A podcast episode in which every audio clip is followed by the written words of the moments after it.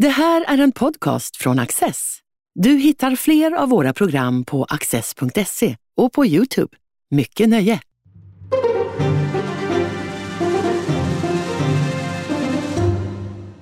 Välkomna till Studio Access. Eh, dagens ämne är högaktuellt.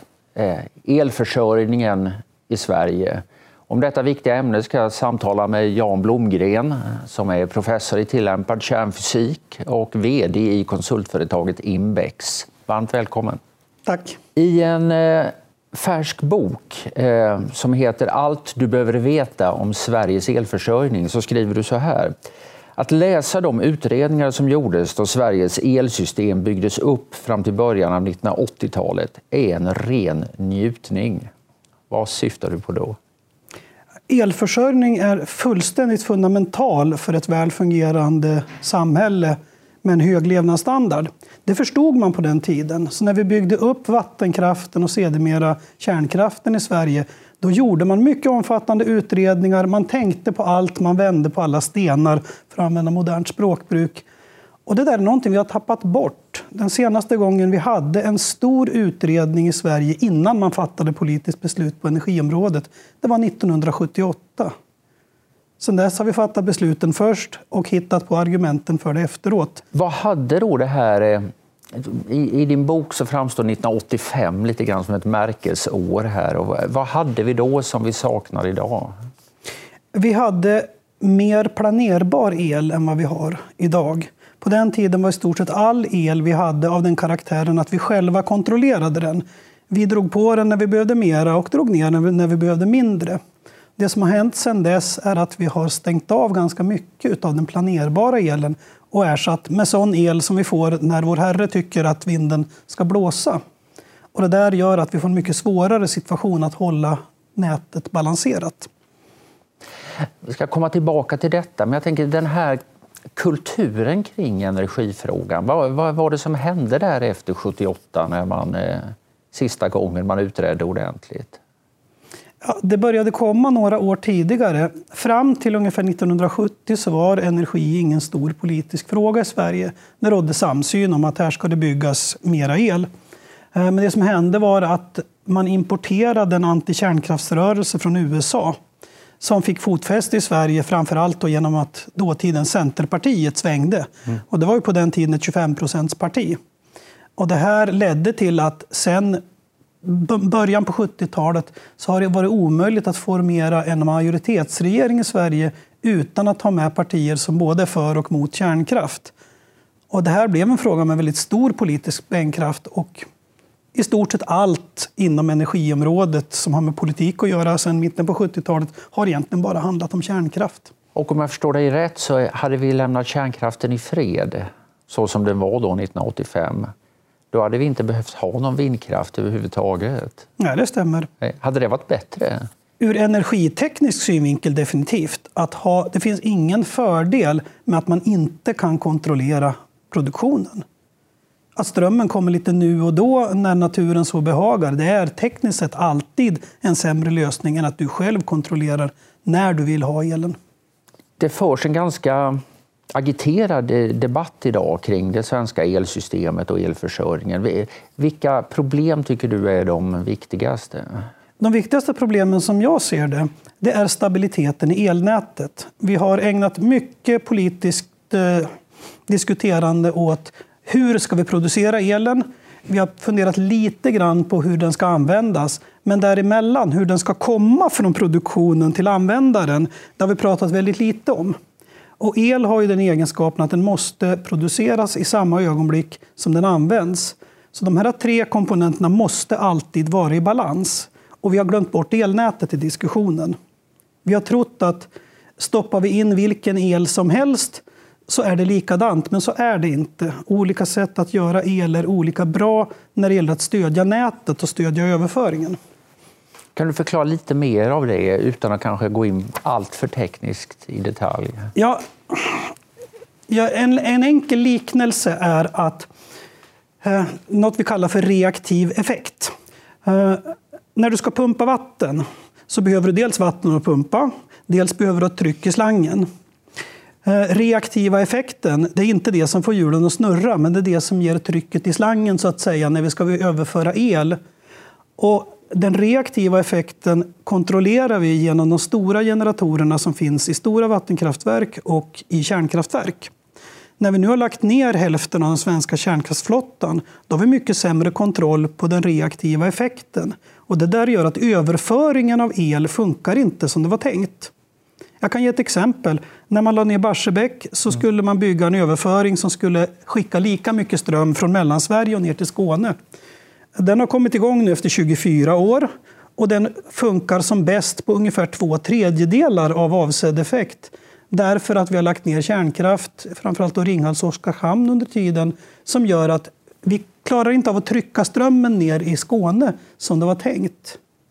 Och på samma tid, vi har en enormt stor motorväg för elektrisk ström från älvarna upp i Norrland och ner till Mellansverige. Mm.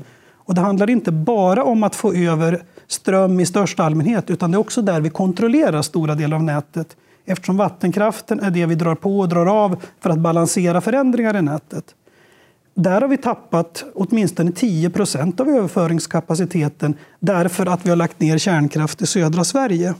Och de här frågorna har väsentligen man helt och hållet missat i den politiska debatten.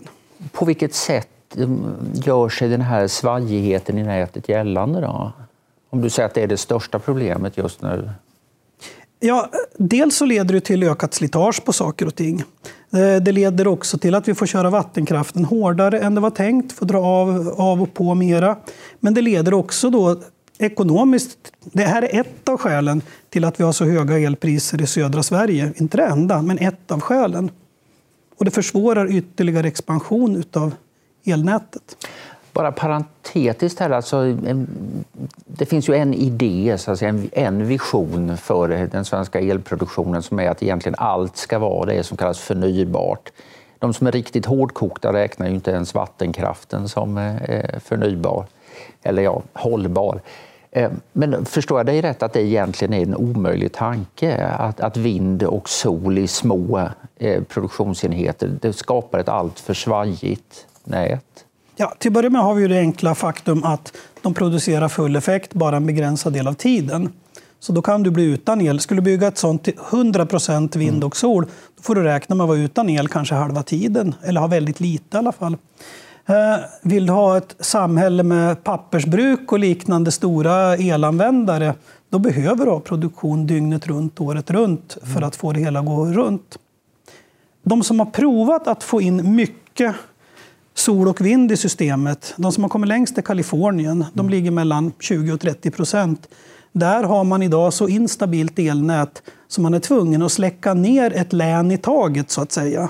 Så en region i Kalifornien blir utan ström en stund. Och sen flyttar man det till nästa region och så drar man på strömmen igen där man nyss hade stängt av och så vidare. Och det här görs alltså planerat för man får inte stabilitet i nätet på något annat sätt. All right. Det pratas också om eh, effektbrist, att eh, till exempel att nya eh, industriverksamheter, investeringar inte kan äga rum därför att man är rädd att det inte kan garanteras tillräcklig effekt. Mm. Hör de här båda sakerna ihop? Är det två olika problem? Och hur stort är det här problem, effektproblemet? Delvis hänger de ihop, därför att en del av effektproblemet är just matchningen av reaktiv effekt som gör att det är svårt att flytta el elströmmen. Men sen beror det också på att vi har helt enkelt byggt för lite överföringskapacitet under lång tid.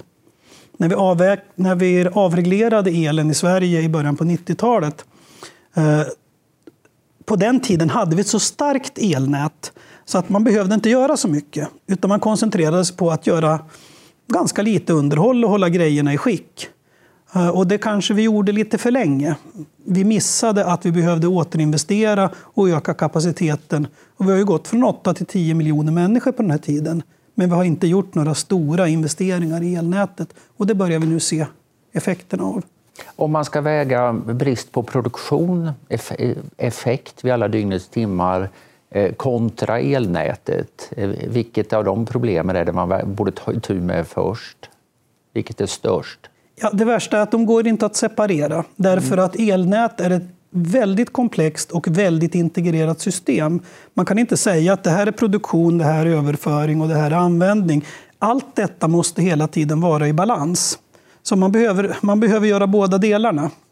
Sen kan vi peka ut vissa områden.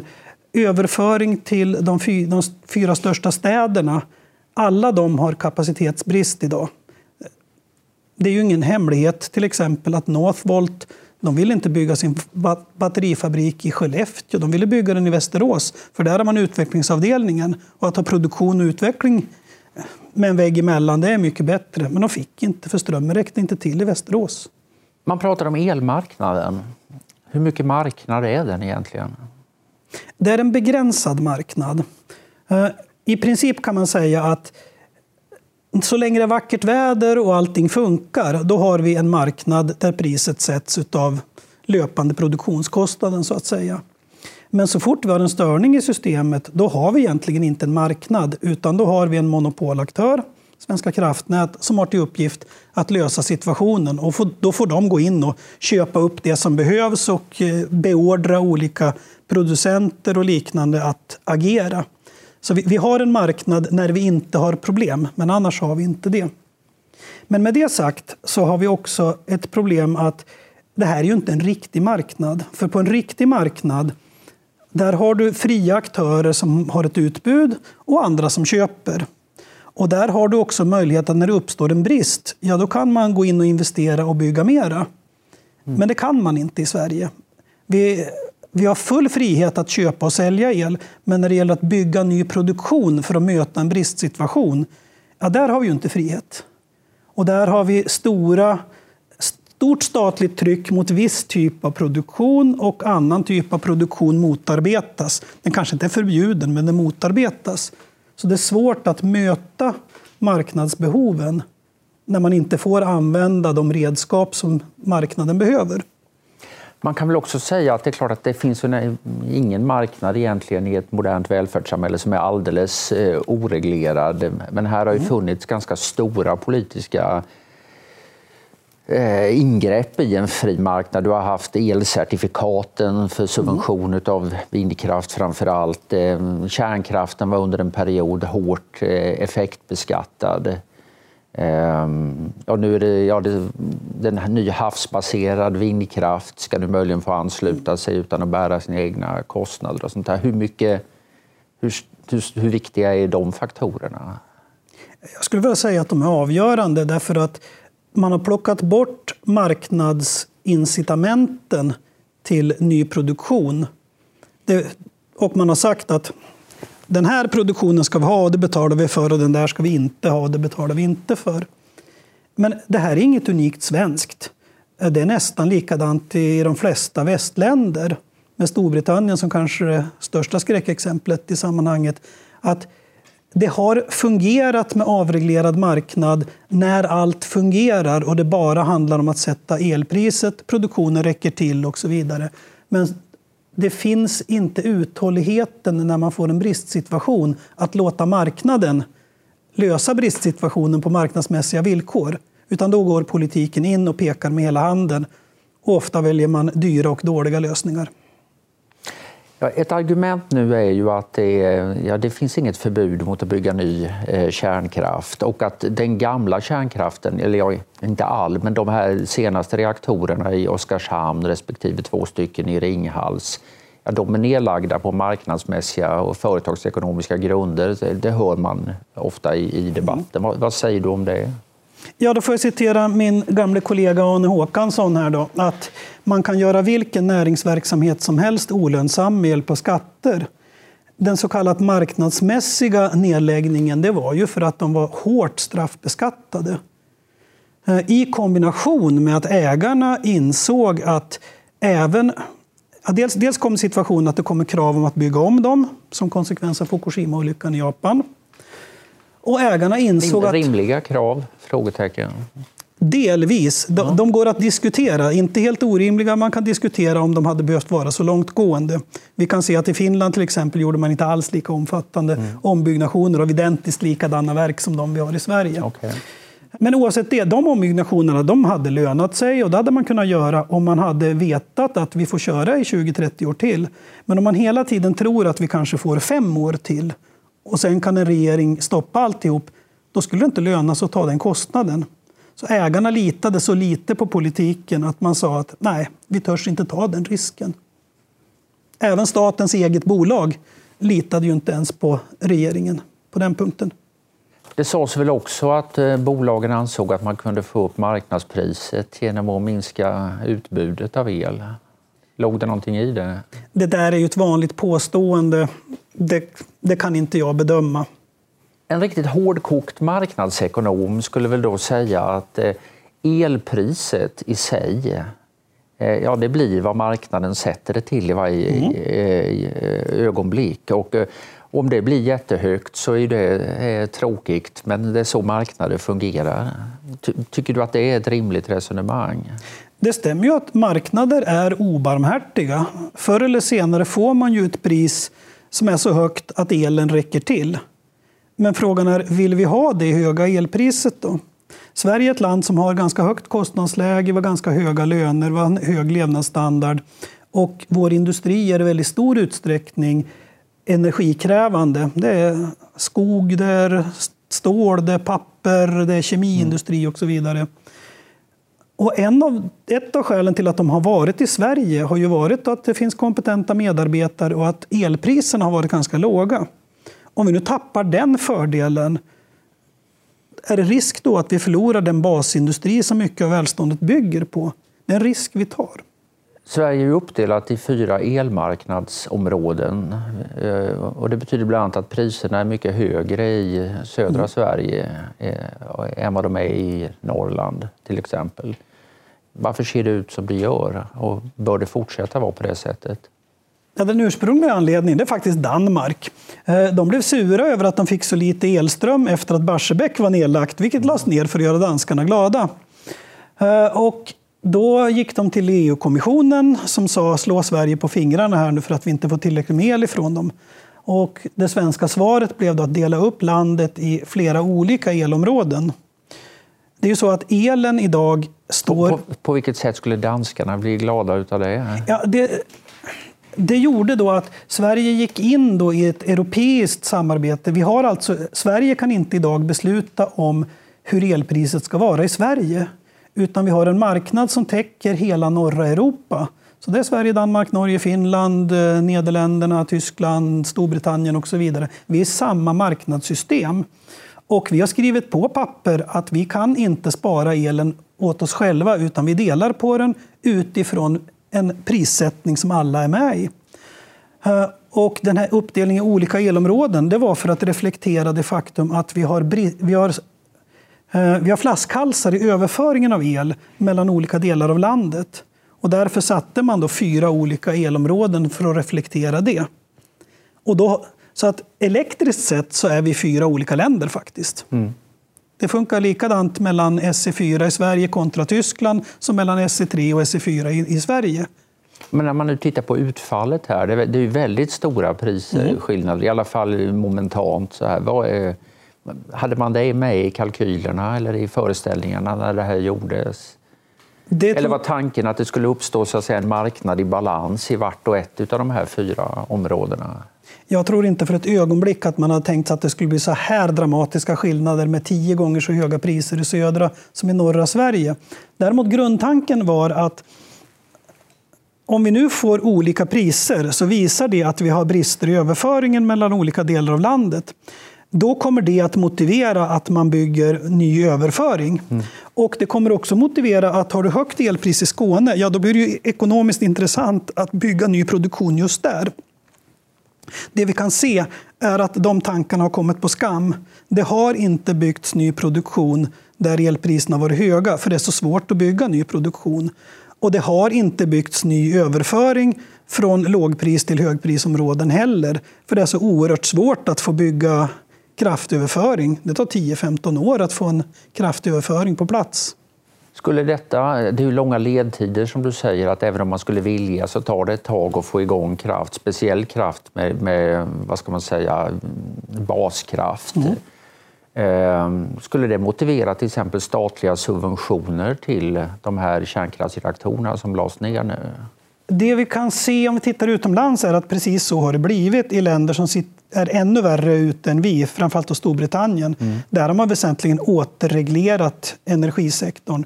Så staten betalar för att bygga ny produktion. Man orkar inte vänta på marknad, så att säga.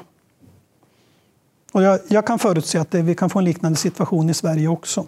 Det är ju intressant det här med den här internationaliseringen av elmarknaden. För den svenska debatten är väl fortfarande ganska ovan. Jag menar, mm. Experterna är en sak, men den allmänna debatten är, ganska ovan vid att det förhåller sig på det sättet. Så man diskuterar som om om vi byggde rejält mycket mer kraft, då skulle utbudet öka och då skulle priserna sjunka i Sverige. Mm. Eh, men det blir ju inte riktigt så om man är med på en europeisk marknad, eller det finns inga garantier för det i, i, i alla fall. Vad har Sverige för realistiska möjligheter att agera på ett sätt som skulle främja ett lägre elpris i Sverige? Mm. Eh, det är fortfarande så att om vi bygger mycket mer kraftproduktion så kommer det, inte direkt, men så småningom att dra ner priset. Därför att det som sätter gränsen för hur mycket vi påverkas av omvärlden, det är hur mycket överföring vi har till andra länder. Och om vi kan, kan vi, vi ska bygga verk, men hålla igen på kabelbyggena? Vill vi ha ner det svenska priset så är det så man får lov att göra. Då måste vi bygga så mycket så att det blir mer än vad vi klarar av att exportera. Det här har väl delvis med att göra med hur man tar betalt för el. Mm. Alltså att priset fastställs eh, på en elmarknad där man eh, producenter lägger, ja, producenter och konsumenter möts eh, som vanligt. Så att säga. Men då betalar man bara för eh, leverans av eh, energi. Mm. Eh, men det behövs andra saker i ett elnät också som vi var inne på tidigare. Att det behövs kraft av en viss typ för att eh, nätet ska vara i balans och fungera. Ehm, finns det några rimliga möjligheter att tänka sig att man hittar en prissättningsmodell som tar i hänsyn till det? Eh, det är många som har efterfrågat det. I viss mån finns det redan, det vill säga Svenska kraftnät har egentligen det uppdraget. Och eh, de köper in den sortens stöd till elnätet. Sen kan man diskutera om man betalar tillräckligt mycket för det och så vidare. Men, eh, men i princip så är det ett uppdrag till, till Svenska kraftnät att göra det. Om det skulle gå att göra på mera marknadsmässiga villkor, det kan man ju faktiskt fundera på. Fungerar elprissättning på samma sätt överallt i hela världen eller finns det någonstans man skulle kunna lära sig någonting? Det här sättet vi har med marginalprissättning, det har du i norra Europa framför allt och i vissa delstater i USA. Mm. USA är spännande därför att el är internationell fråga, det är en delstatsfråga. Och ganska många delstater i USA de har en helt reglerad marknad. Delstatsregeringen talar om vad elen får kosta och ger i uppdrag åt eh, elföretag att leverera mot skälig vinst. Så det finns många olika modeller i världen för hur man gör. Men då har man kanske exempel från USA. Du nämnde Kalifornien som ett skräckexempel och det var väldigt illa i Texas häromåret också, också ja. i, i samband med en väldig köldknäpp. Eh, finns det någonstans det fungerar bra? Ja, det finns delstater som fungerar alldeles utmärkt också i USA. Men huruvida det handlar om reglerat eller, eller eh, avreglerat, det är en sak. En annan sak är vilken typ av produktion man har och hur ens elnät mm. ser ut. Så att det går inte att säga att reglerat kontra oreglerat, det ena är bättre än det andra. Det är också en fråga vad, vad har man gjort rent tekniskt med sin utrustning. Tendensen nu är väl att ny kraft i Sverige är i väldigt hög utsträckning vindkraft. Ja, uteslutande ja. nästan. Och om den utvecklingen fortsätter och nätet redan har blivit instabilt på grund av att vindkraftsandelen är så stor, vad, vad händer om det blir ännu mer vindkraft i systemet? Ja, det är bara att titta på Kalifornien. Då, då kan vi se framför oss roterande nedsläckningar i Sverige. Och gas, nya gaskraftverk som man också bygger i Kalifornien. Va? Ja, det finns en logik i det hela som är lite jobbig att ta till sig. Eh, först har man ett fungerande elnät och sen säger man att nu ska vi bli fossilfria. Nu ska vi satsa på sol och vind, förnybara energitekniker. För att få in dem på marknaden subventionerar man Och då bygger man nästan alltid för mycket. Då, så att säga. Man håller på tills att näten börjar bli instabila. Då får man situationen, först bygger man för mycket och då får man väldigt låga priser. För eftersom vi sätter priset efter rörliga priset och det är väldigt lågt för sol och vind, kostar nästan ingenting att producera vind jämfört med att släppa förbi vinden förbi mm. vingarna. så att säga. Eh, då leder det till att den planerbara kraften, nu tappar de intäkter. Då kan de överleva om det är gamla grejer som redan är avbetalda. Men det går inte att finansiera en ny anläggning. En ny anläggning måste tjäna pengar 90 procent av tiden. Det räcker inte med 70 procent. Och det gör att de gamla anläggningarna fortsätter att tuffa tills de till slut kostar så mycket underhåll som man lägger ner dem. Och nu hamnar du då i situationen att du har för mycket varierande energi i förhållande till den du själv kan kontrollera. Och nu uppstår de här konstiga situationerna med roterande nedsläckningar och svajigheter och enorma prischocker när vinden inte blåser, som vi hade i september i år nu. Och I det läget är det väldigt få politiker som går ut och säger ja men vänjer, det kommer att ta minst tio år till att bygga ny stabil basproduktion. Nej, då säger man det här ska vi lösa snabbt. Och det som går fortast är att bygga gas. Mm. Och det ser vi också att de länder som har gått den här vägen de har hamnat i att man antingen blåser dammet av gamla kolkraftverk eller bygger nya gasanläggningar. Så den här strävan efter fossilfrihet leder till att man bygger fossilkraft så småningom när man gått hela resan igenom. Men alltså svensk politik just nu på det här området karaktäriseras av två saker. Ett är enorm entusiasm för elektrifiering. Mm. Inte jätteentusiastisk inför de här stora industriprojekten i Norrland mm. med eh, kolfritt, eh, kolfri stålproduktion och eh, och, och, ja, och, även andra industriprojekt eh, å ena sidan och å andra sidan att man hejar på vindkraftsutbyggnaden liksom, en rimlig prognos, det är långt större problem än idag i systemet. Ja. Inom vilken tid?